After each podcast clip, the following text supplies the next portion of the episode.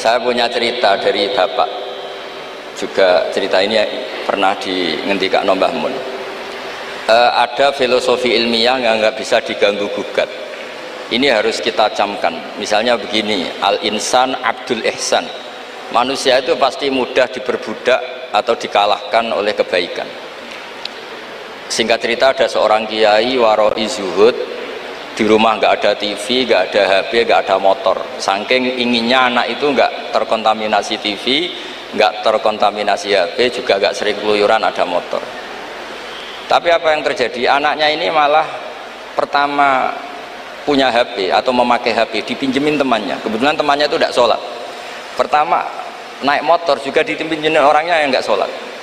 Pertama tahu TV juga di tetangga komunitas keluarga yang tidak sholat sehingga perasaan anak ini hanya punya utang jasa sama orang yang tidak sholat. Lama-lama kenangannya apa? Ternyata orang yang tidak sholat itu lebih manusiawi ketimbang yang sholat. Singkat cerita anak ini akhirnya nggak sholat. Ketika anaknya itu nggak sholat orang tuanya itu coro jawan itu tobat minta-minta maaf sama bapak sama saya. Era kiai saya minta karena melihat Mbah Maimun itu di rumahnya ya ada TV bapak saya di rumah ada TV juga ada motor. Ketika sowan walhasil intinya di, diceritain kenapa banyak kiai alim yang longgar? Di rumah ada TV, ada HP, ada motor. Ternyata karena jangan sampai anak kita pertama merasa utang jasa itu sama orang lain. Nah, kalau orang lain ini yang orang nggak bener bisa berabdi kan? Nah pondok juga gitu. Kalau terlalu ketat HP terlalu ketat apa ternyata HP ini barang mewah barang wow. Kebetulan yang nilai orang lain. Dan akhirnya santri ini merasa utang jasa sama orang.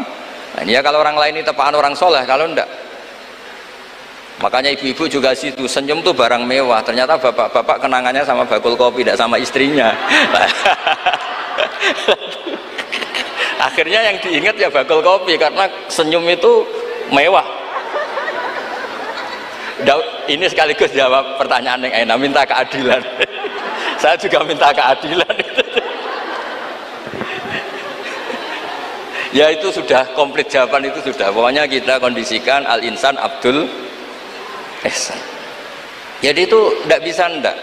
Makanya ngelola anak-anak itu ya harus hati-hati ngelola istri, ngelola suami, ngelola komunitas masyarakat.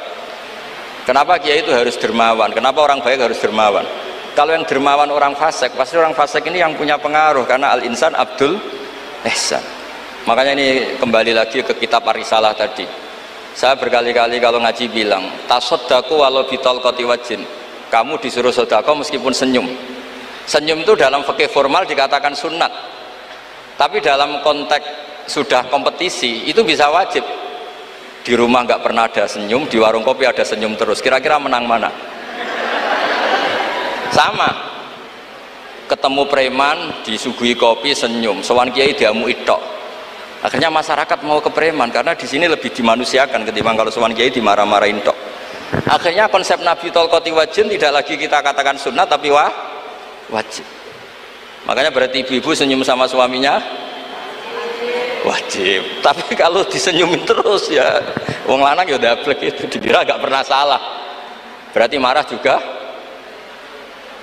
Ya sudah, sudah, usah diwajibkan sudah dilakukan Alhamdulillah. Sudah jadi menurut saya ngadepi fenomena sosial apa pun kita harus punya kaidah ilmiah yang permanen yaitu al insan abdul ihsan semuanya fikih semuanya solusi semuanya teori itu pasti kembali ke situ. Kalau kita lebih menarik karena ihsan kita pasti orang ke kita. Tapi kalau kita jeblok secara sosial ya dibayangkan Allah itu walaupun tafatul lidal qalbi lan faddumin hauli kalau seorang pemimpin itu kok wangkot angkuh tidak simpatik pasti lan faddu min khalik pasti orang itu bubar. Jadi itu jawaban umum tapi insya Allah menjadi solusi untuk ngelola anak kita saya sampai sekarang itu ya biasa ngedusi anak saya jalan-jalan sama anak saya. Supaya utang jasanya anak itu sama orang tuanya. Istri saya itu keluarga Sidogiri. Itu saya pernah bilang kalau anak saya minta uang jajan meskipun saya tidur agar dibangunin. Oleh anak saya. Kata istri saya kan yaitu nanti melatih tidak sopan. Tapi akhirnya saya beri penjelasan secara ilmiah. Yang wajib jajan anak itu orang tuanya. Jangan sampai ganggu mbak-mbak atau kangkang sehingga korbannya ya harus saya bukan orang lain. Jadi kita harus kadang-kadang lebih bicara ilmu ketimbang akhlak. Apa artinya kita anak kita berakhlak sama orang tua tapi anak kita pas mau jajan ngel-ngel orang lain. Nah hal-hal seperti itu supaya apa? Anak kita punya kenangan. Saya bisa jajan karena bapak saya. Saya bisa jajan karena dituruti bapak saya. Tapi kalau kenangannya sama tetangga dan kebetulan tetangga kita misalnya kurang baik maka nurutnya sama tetangga yang kurang baik ini jadi ini menurut saya ini karena masalah istihad Neng Ana boleh gak setuju ya karena ini masalah ijtihad. Tapi harus setuju satu-satu diundang kok ora dituruti fatwane kan. Tapi yang jelas kaidahnya itu tadi pegang al insan abdul ihsan. Sehingga kita bisa ngelola gimana orang-orang baik itu berjasa. Makanya ketika Rasulullah Shallallahu Alaihi Wasallam masyur itu, Inna hadatin irtadoituhu li nafsi, wala yusliha li hadatini illa sakha wa husnul khuluq. Agama ini sudah final cuma yang bisa mengawal agama ini hanya dua yaitu dermawan dan husnul khuluk jangan sampai orang lain yang nggak benar lebih berempati lebih dermawan sementara yang soleh kurang dermawan atau kurang empati. Sehingga kompetisinya orang soleh ini kah? kalah ya saya kira demikian. Ini mohon terakhir mohon assalamualaikum warahmatullahi wabarakatuh. Warahmatullahi wabarakatuh